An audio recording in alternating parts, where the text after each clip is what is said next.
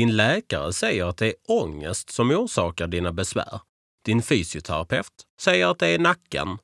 Din partner tror att problemen beror på din sömnbrist medan optikern tror att det är problem med dina ögon. Tänk nu om ingen av dem har fel. Tänk nu om alla har rätt på en och samma gång. Välkomna till Hjärnskakningspodden. Här diskuterar vi allt som har att göra med just hjärnskakningar. Jag delar med mig av konkret information och erfarenheter på ett sätt som gör det enkelt att förstå. Mitt namn är Viktor Bull. Jag är legitimerad fysioterapeut med särskilt intresse för just hjärnskakningar.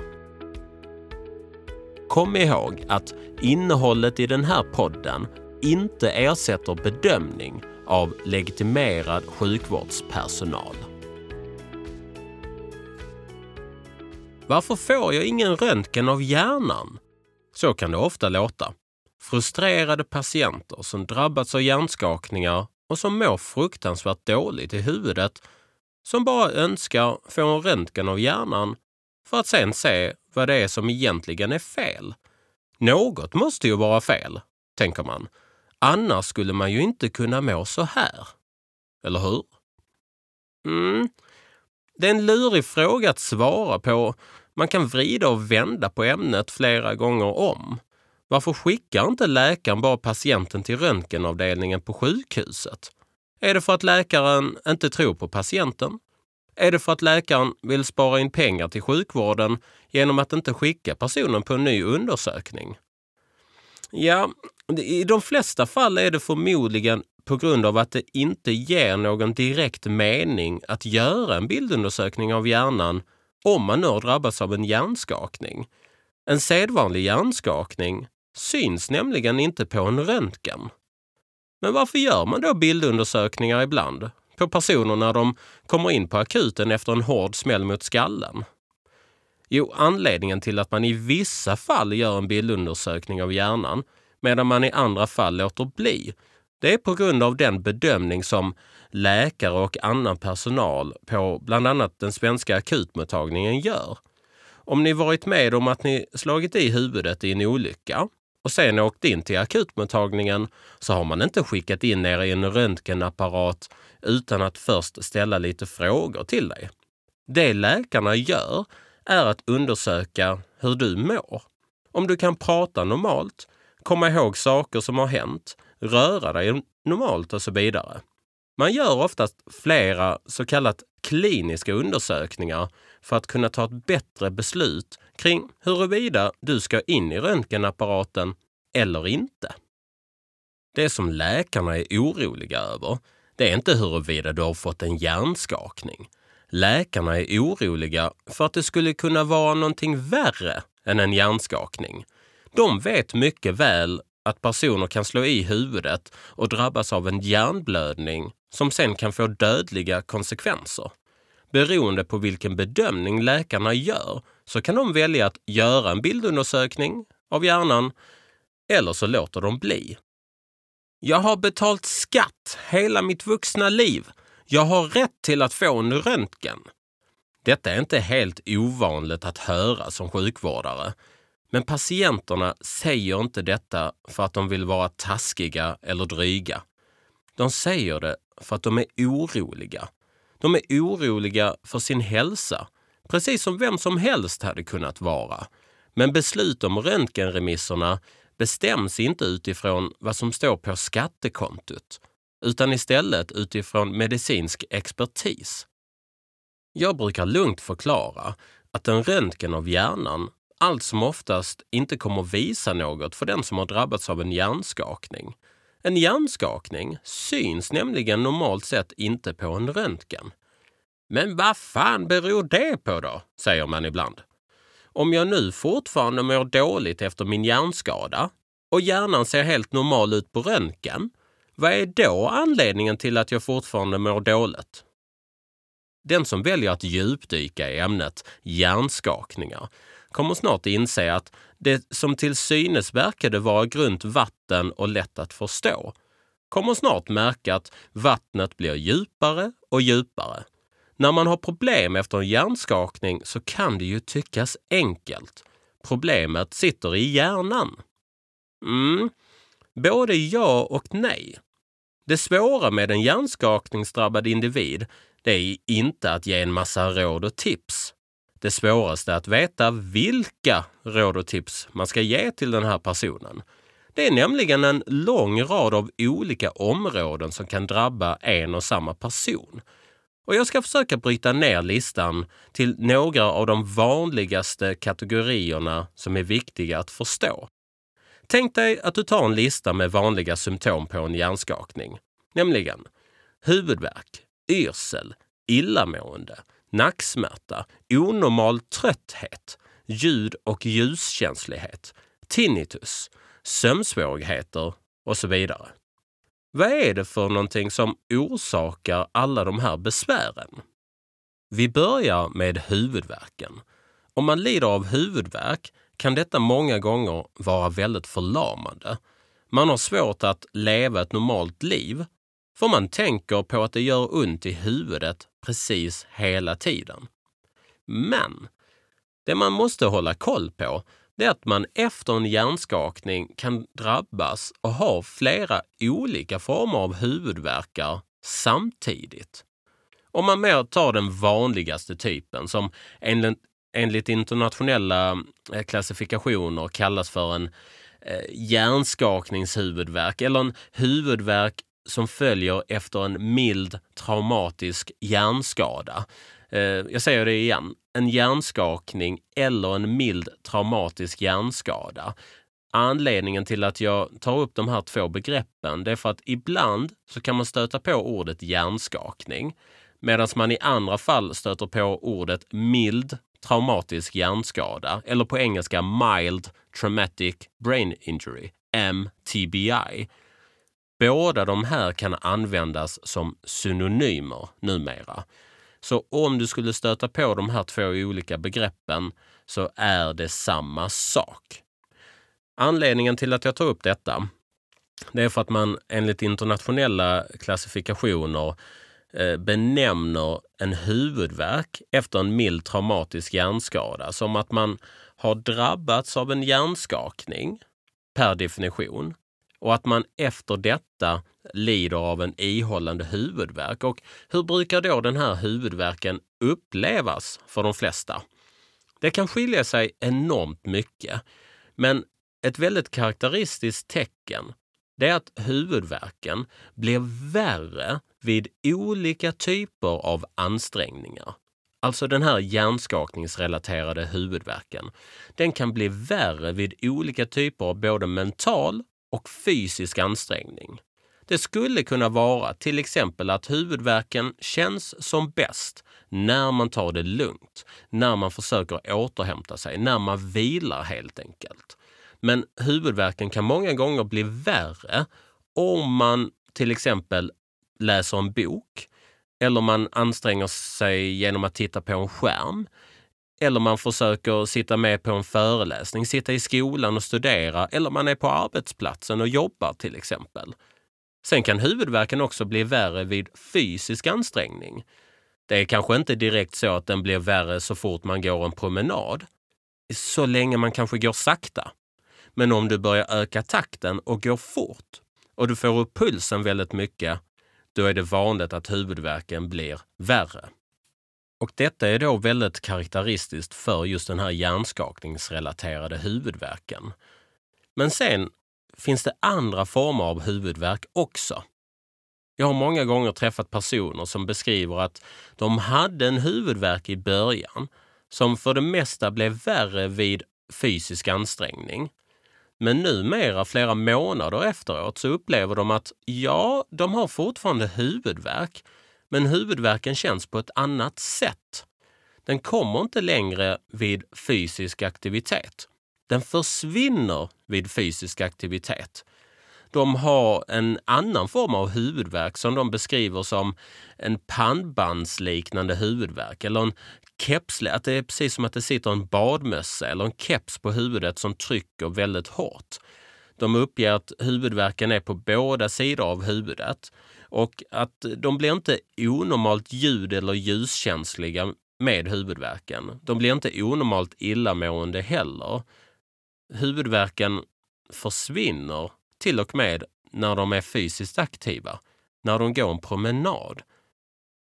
Vad kan detta bero på? Från början så hade de en huvudvärk som de upplevde blev värre vid fysisk aktivitet, men nu blir den plötsligt bättre. Det de kan ha drabbats av, det är världens vanligaste huvudvärksdiagnos. Spänningshuvudvärk.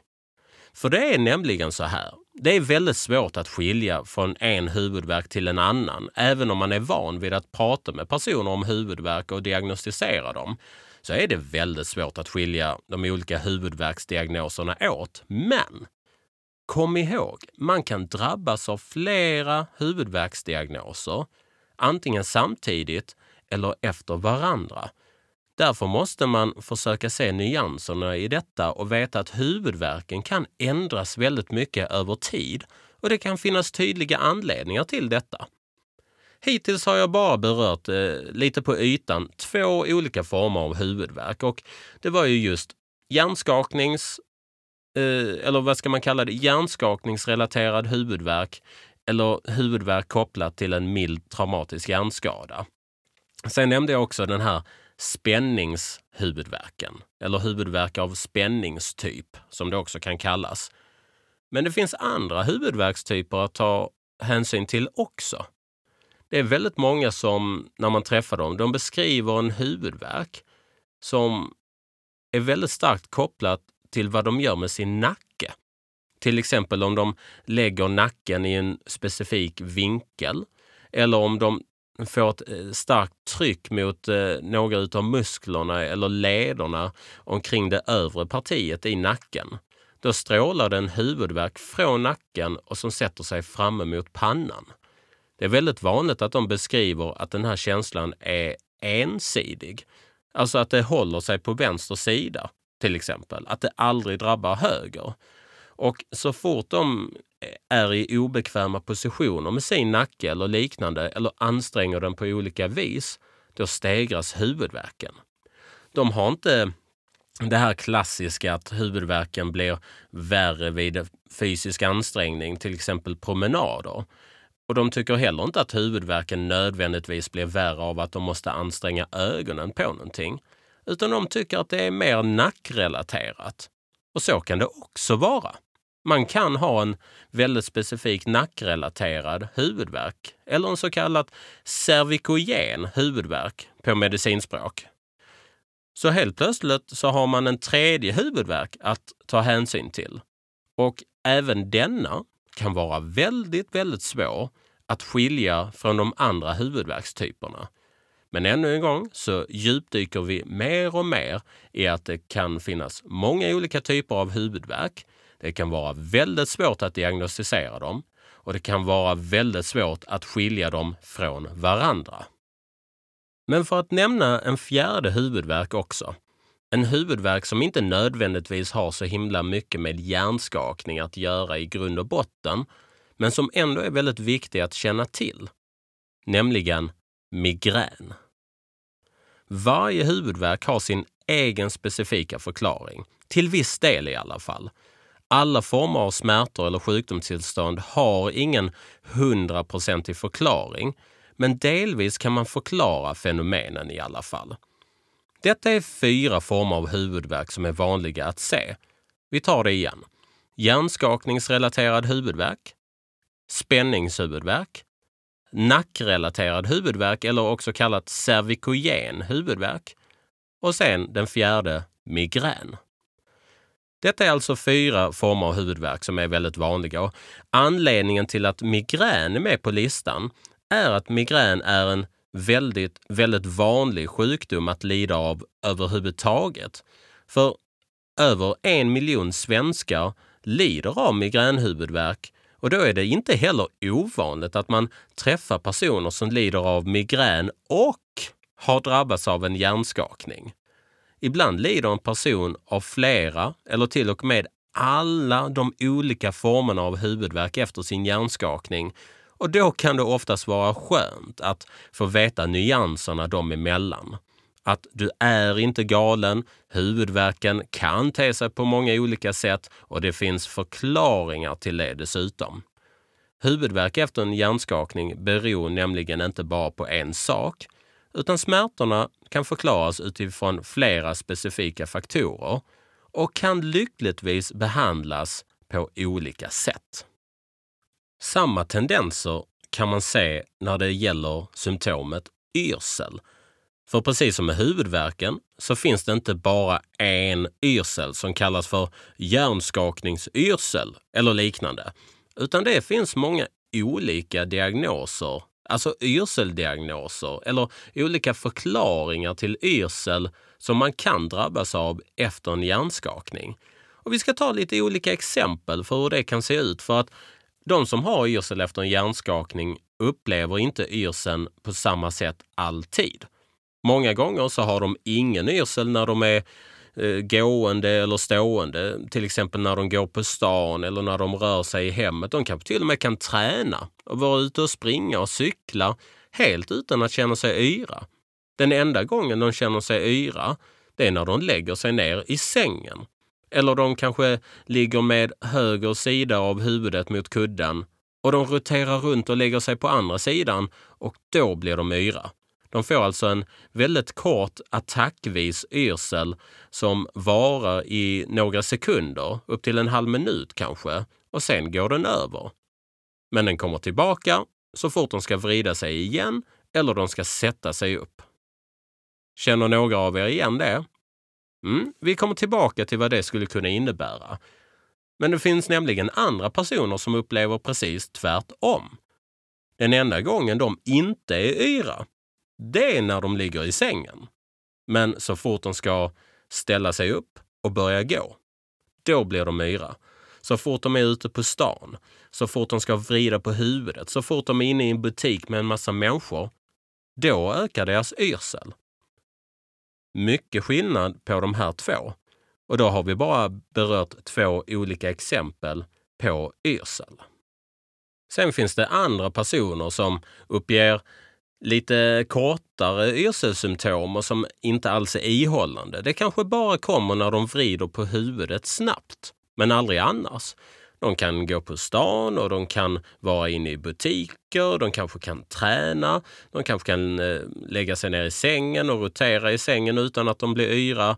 Men de uppger att huvudvridningar, till exempel när de ska titta vänster och höger på gatan när de ska gå över ett övergångsställe, då kan de bli väldigt yra. Men annars upplever de sig inte yra alls. Sen finns det de som aldrig är yra förrän de kommer upp i hög puls. De kan gå promenader, de kan jobba, de kan läsa, de kan vrida på huvudet, gå på stan och vara inne i butiker. Men varje gång som de kommer upp i puls, cyklar snabbt på en cykel eller kör eh, backintervaller, ute och springer snabbt och hastigt, då blir de yra. Eller så upplever vissa personer yrsel endast när de ska fokusera på text och skärm. Som ni ser kan flera olika personer söka för samma symptom, alltså yrsel. Men historierna kan skilja sig extremt mycket åt. Det finns nämligen många olika teorier och svar till varför man blir yr efter en hjärnskakning. I vissa fall är det väldigt konkret och tydligt medan det i vissa fall är lite av en gråzon. Precis som med huvudvärken. Hur blir jag av med min yrsel? Det är en bra fråga, hur du ska bli av med din yrsel. Men den är svår att besvara. Mitt standardsvar är alltid att det beror på vad det är som orsakar din yrsel. Det viktigaste att ta med sig hittills i den här podden, det är att det finns inte bara en huvudvärk som man kan drabbas av efter en hjärnskakning. Det finns flera. Och det finns inte bara en yrsel man kan drabbas av. Det finns flera. Jag kan ge generaliserande tips gällande återhämtning, övningar och liknande. Men det kommer förmodligen inte alls stämma perfekt in på just alla. Istället är mitt bästa råd att man får utrett vilken typ av huvudvärk det kan röra sig kring eller vilka huvudvärkar det rör sig om. På samma gång är det viktigt att få utrett vilken form av yrsel man har eller yrslar det man har. Men för tillfället ska vi nöja oss med vetskapen om att det är många faktorer som kan påverka. Nästa punkt jag vill ta upp, det är sömn. För sömn är ett väldigt spännande område och något som jag brukar skriva upp som en av de mest besvärande anledningar till att folk lider av långvariga symptom efter en hjärnskakning. Av de som drabbas av sömnbesvär efter sin skada brukar de uppge två olika former av problem. Nummer ett, att de har svårt att sova. De antingen ligger i sängen i flera timmar utan att hjärnan kan stängas av. Eller så vaknar de flera tillfällen under natten och har svårt att somna om. Även om de får viss sömn så upplever de inte att de sover tillräckligt djupt. Nummer två. Sen finns det de som har det precis tvärtom. Efter sin hjärnskakning sover de oavbrutet. De går och lägger sig klockan nio på kvällen och går upp klockan åtta på morgonen. Mitt på dagen sover de utan problem en till två timmar till. Deras problem är inte att somna eller vidmakthålla sömn under natten. Deras problem är att de har svårt för att inte sova. De känner sig så trötta att de bara vill gå och lägga sig. Och nummer tre. Ibland kan samma person periodvis ha drabbats av båda varianterna, alltså nummer ett och nummer två. Det kan vara att man initialt sov extremt mycket men att man med tiden har fått svårare för att sova. Vad beror då sömnbesvären på? Ja, även här kan det vara många faktorer som är inblandade. Jag skulle vilja skilja på den akuta reaktionen och den långsiktiga reaktionen. Den akuta fasen, alltså timmar, dagar och första veckorna efter en hjärnskakning, är det mycket som kan vara påverkat. Sämre sömn i början i skedet har kopplats till ökad risk för sämre mående längre fram och därför har man börjat uppmärksamma behovet av tidiga åtgärder för att hjälpa personer med sömnen om de har drabbats av en hjärnskakning. Däremot är det inte så enkelt. Ibland är det ett lotteri kring hur det kommer att gå gällande sömnen. Vissa personer, även om de får jättebra tips i början, kommer ha problem med att sova. Och detta är okej okay, enligt mig. Jag brukar försöka lugna ner situationen genom att säga att det sannolikt kommer att gå över. Det kommer förmodligen att bli bättre. Man kan inte alltid styra hur man mår dagarna och veckorna efter en hjärnskakning. Det är bättre att inte stressa upp sig över det. Man får ge sig så bra sömnförutsättningar som möjligt givetvis, men du kan inte tvinga dig själv ner till drömmarnas land. De flesta återhämtar sig inom några veckor efter en hjärnskakning och under tiden så får man ibland leva med att det är tufft med sömnen. Man ska göra sitt bästa för att förbättra det såklart, men låt inte gå dig till huvudet och att man gör sömnen till ett större orosmoment än vad det redan är. Men långsiktigt då? Man kommer igenom den här akuta fasen på dagar och veckor men sömnbesvären försvinner ändå inte av sig självt alltid. Ja, om du eller någon du känner hamnat i den här situationen, att besvären blivit långvariga i form av månader och till och med år, då kan det krävas lite mer arbete för att få ordning på sömnen. Många uppger att deras hjärna går på högvarv. De känner sig jättetrötta, men de kan ändå inte stänga av hjärnan och förmå sig själv att somna. De flesta har testat appar med alltifrån andningsövningar och sökt på Youtube för att hitta de snabbaste och bästa tipsen för att somna snabbt om kvällarna. De flesta av dem har märkt att ingenting har funkat särskilt bra. De gör andningsövningarna och de följer instruktionerna från Youtube-klippen men ändå kan de inte sova som de vill långvariga sömnproblem är ett pussel och för vissa personer handlar det mycket om beteendet kring sömnen och tiden de både spenderar i sin säng men också kring vad de gör under tiden som de inte ligger i sin säng.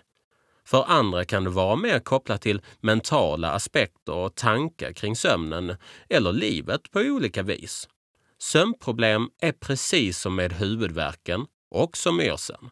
Det finns många olika former av problem. Vi tar ett exempel. En kvinna som vi kallar för Linda. Linda drabbas av en hjärnskakning och eh, detta skedde för cirka sju månader sedan. I början låg hon bara still i ett mörkt rum. Det var det de hade sagt åt henne på vårdcentralen att hon skulle göra. Hon tyckte det var skönt att ligga och vila då hon hela tiden fick mer huvudvärk och yrsel när hon var uppe och rörde på sig. Men sova kunde hon inte göra särskilt mycket. Hon sov mest två timmar åt gången, flera gånger om dygnet. Ibland hade hon till och med svårt att avgöra om det var sen eftermiddag eller tidig morgon när hon vaknade förrän hon kollade på klockan och då insåg att det var varken eller. Klockan var 01.00 och hon kände sig klarvaken mitt i natten. Men nu sju månader efter smällen har hon fortfarande problem med sömnen. Linda går och lägger sig cirka klockan 23.00 på kvällarna men somnar inte förrän mellan klockan ett och klockan två på natten. Hon vaknar ofta och vrider och vänder på sig. Nacken gör dessutom ont. Hon vaknar sen klockan fem på morgonen och kan inte somna om. Hon ligger kvar i sängen och försöker slappna av, men det är svårt. Till slut somnar hon klockan halv sju igen vanligtvis och vaknar av att väckarklockan ringer klockan sju. Så ser det ut för Linda.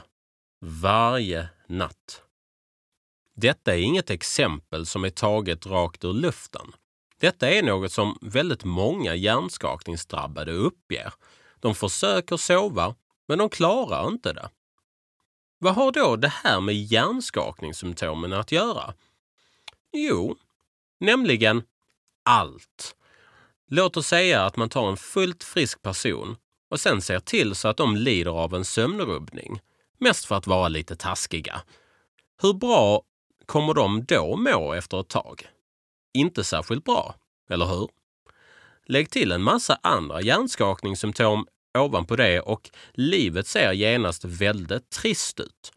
Att förbättra sömnen för person som lider av långvariga symptom efter en hjärnskakning kanske inte förbättrar måendet helt och hållet, men däremot är det mycket svårare att bli helt bra överhuvudtaget om sömnen samtidigt inte är särskilt balanserad. Jag tänker att vi i framtiden spelar in ett helt poddavsnitt som bara ska handla om sömn. Och då kanske vi går in på detaljerna kring vad man skulle kunna göra för att sova bättre. En fjärde kategori över listan med faktorer som eh, påverkar de här långvariga symptomen, det är ögonen.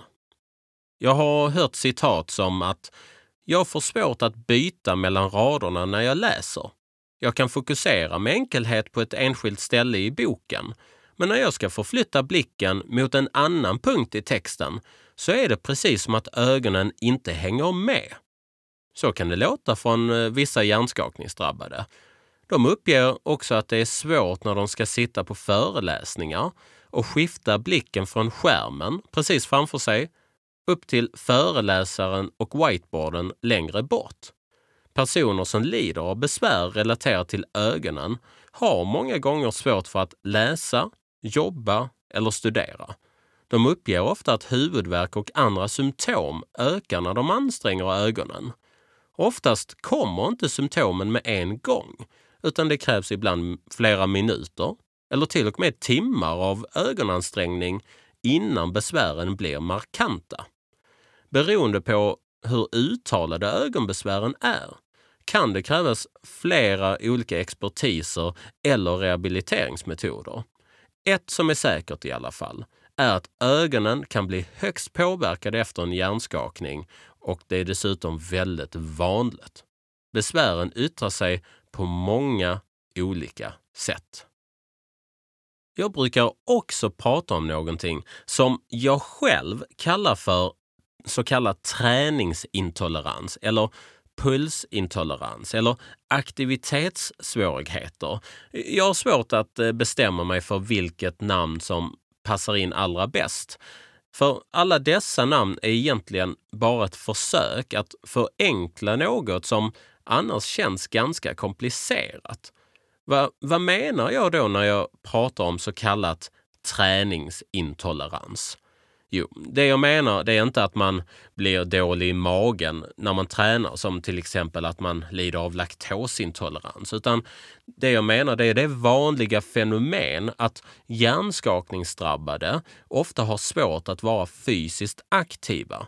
Så fort de väljer att anstränga sig fysiskt, såsom en rask promenad, en löprunda, cykeltur, styrketräning, lyfta möbler eller gå upp flera våningar i trappa, då ökar symptomen. Huvudvärken blir värre, yrseln kommer som ett brev på posten, tröttheten kryper sig närmre och närmre och den där konstiga känslan i huvudet gör sig påmind. När man drabbas av detta så händer framför allt två olika saker. Nummer ett.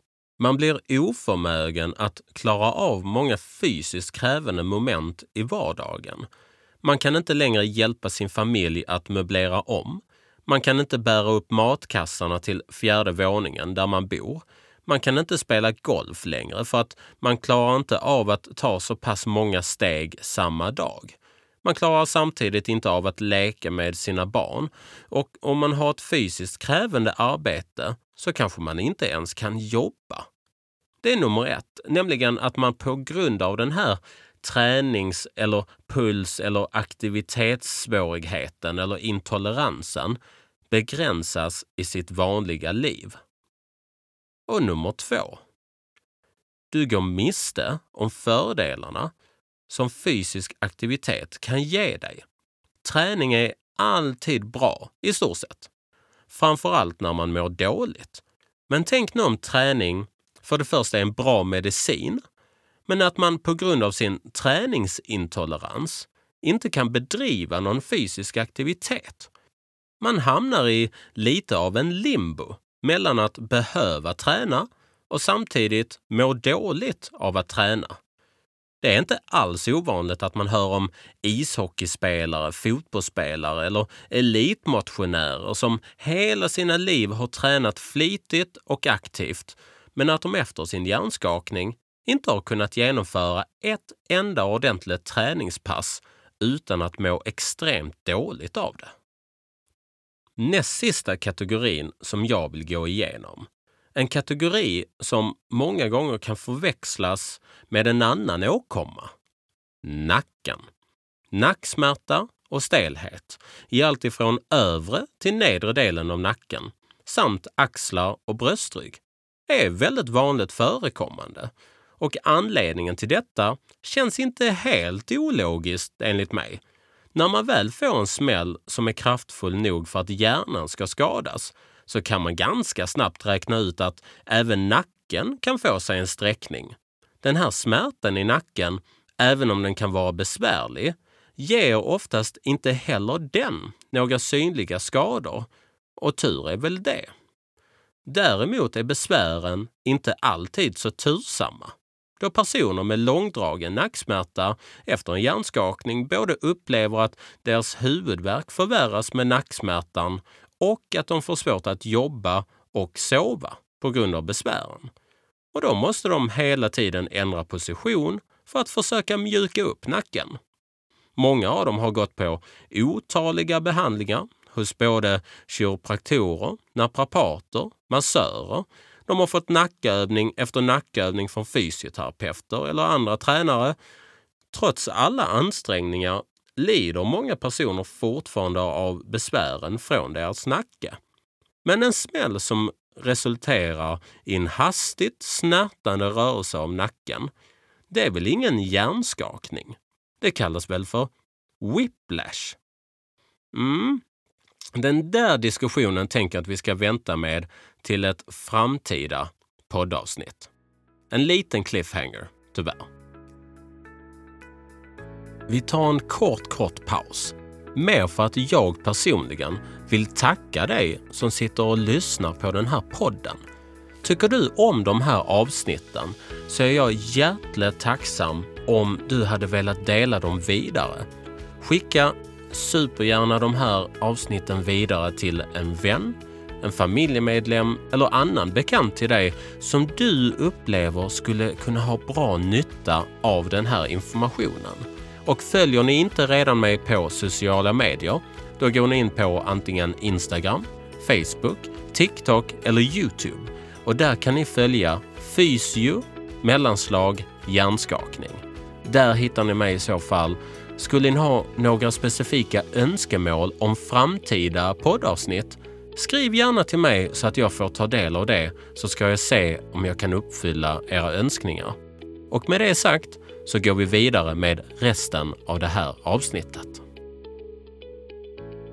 Nedstämdhet, oro, kognitiv nedsättning, sömnstörningar, yrsel, huvudvärk, muskelvärk, trötthet och utmattning, kognitiv nedsättning i form av nedsatt förmåga till planering, utförande, simultanförmåga, uppmärksamhetsstörning och förlångsammad i arbetet med mera.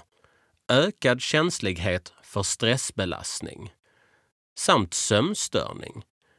Svårigheter med att somna, nattliga uppvaknanden och tidiga uppvaknanden med känsla av att man inte är utsövd. Låter inte detta som måendet vid långvariga hjärnskakningssymptom? Jo, det gör det, men det är inte det som texten är avsedd att beskriva. Det jag har läst upp kommer från medicinskt granskad information gällande utmattningssyndrom. Vissa personer med långvariga besvär efter deras hjärnskakning får nämligen höra att hjärnskakningar i normala fall ska läka ut och personen i fråga ska efter ett tag må helt bra igen. Då får personen ibland också höra att besvären inte längre beror på hjärnskakningen. De beror istället på att personen ska ha drabbats av en samtidig utmattning, alltså ett utmattningssyndrom. Utmattning uttrycker många. Jag har aldrig haft besvär från en utmattning. Jag mådde ju helt bra innan jag var med om min cykelolycka för tre månader sedan och jag mår fortfarande dåligt efter den. Och nu säger man att jag lider av ett utmattningssyndrom. Precis som att jag inte skulle kunna få lov att fortfarande må dåligt efter min hjärnskakning. Detta är inget ovanligt att höra. Personer känner sig ofta missförstådda eller till och med misstrodda när de söker för sina besvär. Det är så vedertaget för vissa att hjärnskakningar bara ska vara ett tillfälligt problem och därmed måste långvariga besvär bero på någonting helt annat. Absolut kan man ha drabbats av hjärnskakning samtidigt som man annars också drabbats av ett utmattningssyndrom. Men man bör vara försiktig med att tvärsäkert säga att det inte inte är hjärnskakningen som utgör problemet längre, utan istället är någonting annat. Och varför tar jag nu upp detta? Jo, för att psykologiska faktorer är nämligen en viktig faktor att ta hänsyn till när det gäller långvariga besvär. Och då menar jag absolut inte att man inbillar sig sina symptom. Istället menar jag att ökad oro, stress eller ångest över en redan stressfylld situation absolut inte gör det hela lättare. Låt oss ta en person vid namn Niklas. Han får en hjärnskakning och lider av svår huvudvärk, yrsel, sömnproblem, illamående och oförmåga till att jobba. Niklas får höra att man måste vila och att det inte finns någon annan behandling att använda sig av. Han får veta att man måste dessutom undvika skärmar och inte får lov att anstränga sig alls, varken mentalt eller fysiskt. Utöver det blir Niklas sjukskriven på obestämd tid och när symptomen dessutom förvärras efter tre veckor finns det heller ingen förklaring till det. Niklas mår urdåligt. Han vet inte vad en hjärnskakning är eller hur vanligt det är att må som han gör. Han känner sig missförstådd och dålig för att han inte kan arbeta. Han blir orolig för sin familj och deras ekonomiska situation. Samtidigt får han dåligt samvete om han skulle råka anstränga sig mentalt eller fysiskt och därefter få ökade symptom. Hur tror du själv att Niklas mår i den här situationen? Inte bara det att han mår otroligt dåligt till följd av själva hjärnskakningen. Nu tvingas han ovanpå det också genomgå ett hav av information där han har svårt att urskilja vad som är rätt och vad som är fel. Jag tror inte själv att man hade varit särskilt lugn i själen om man hade varit i Niklas situation.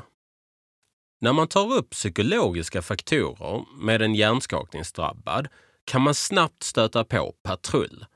De vill inte bli stämplade med att ha mentala besvär och jag förstår det. Jag har själv varit i samma situation nämligen. Men det går samtidigt inte att bortse från det psykologiska trauma som en hjärnskakning och framförallt sviterna av denna kan medföra. Människan är inte som en bil. Vi är dessutom inte heller bara kött och blod. Vi är kropp och sinne, kropp och själ.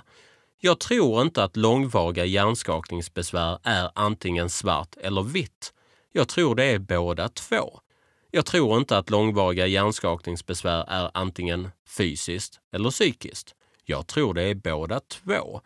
Det är därför viktigt att en person som lider av långvariga problem kan få korrekt information som kan hjälpa dem att känna sig informerade och trygga i situationen.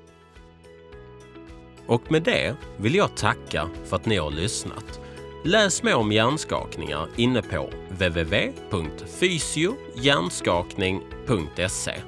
Följ även Fysio hjärnskakning på både Instagram, TikTok, Facebook och inne på Youtube för att ta del av mer content. Gilla jättegärna inläggen, kommentera givetvis och skriv sen också frågor så ses vi igen i nästa avsnitt.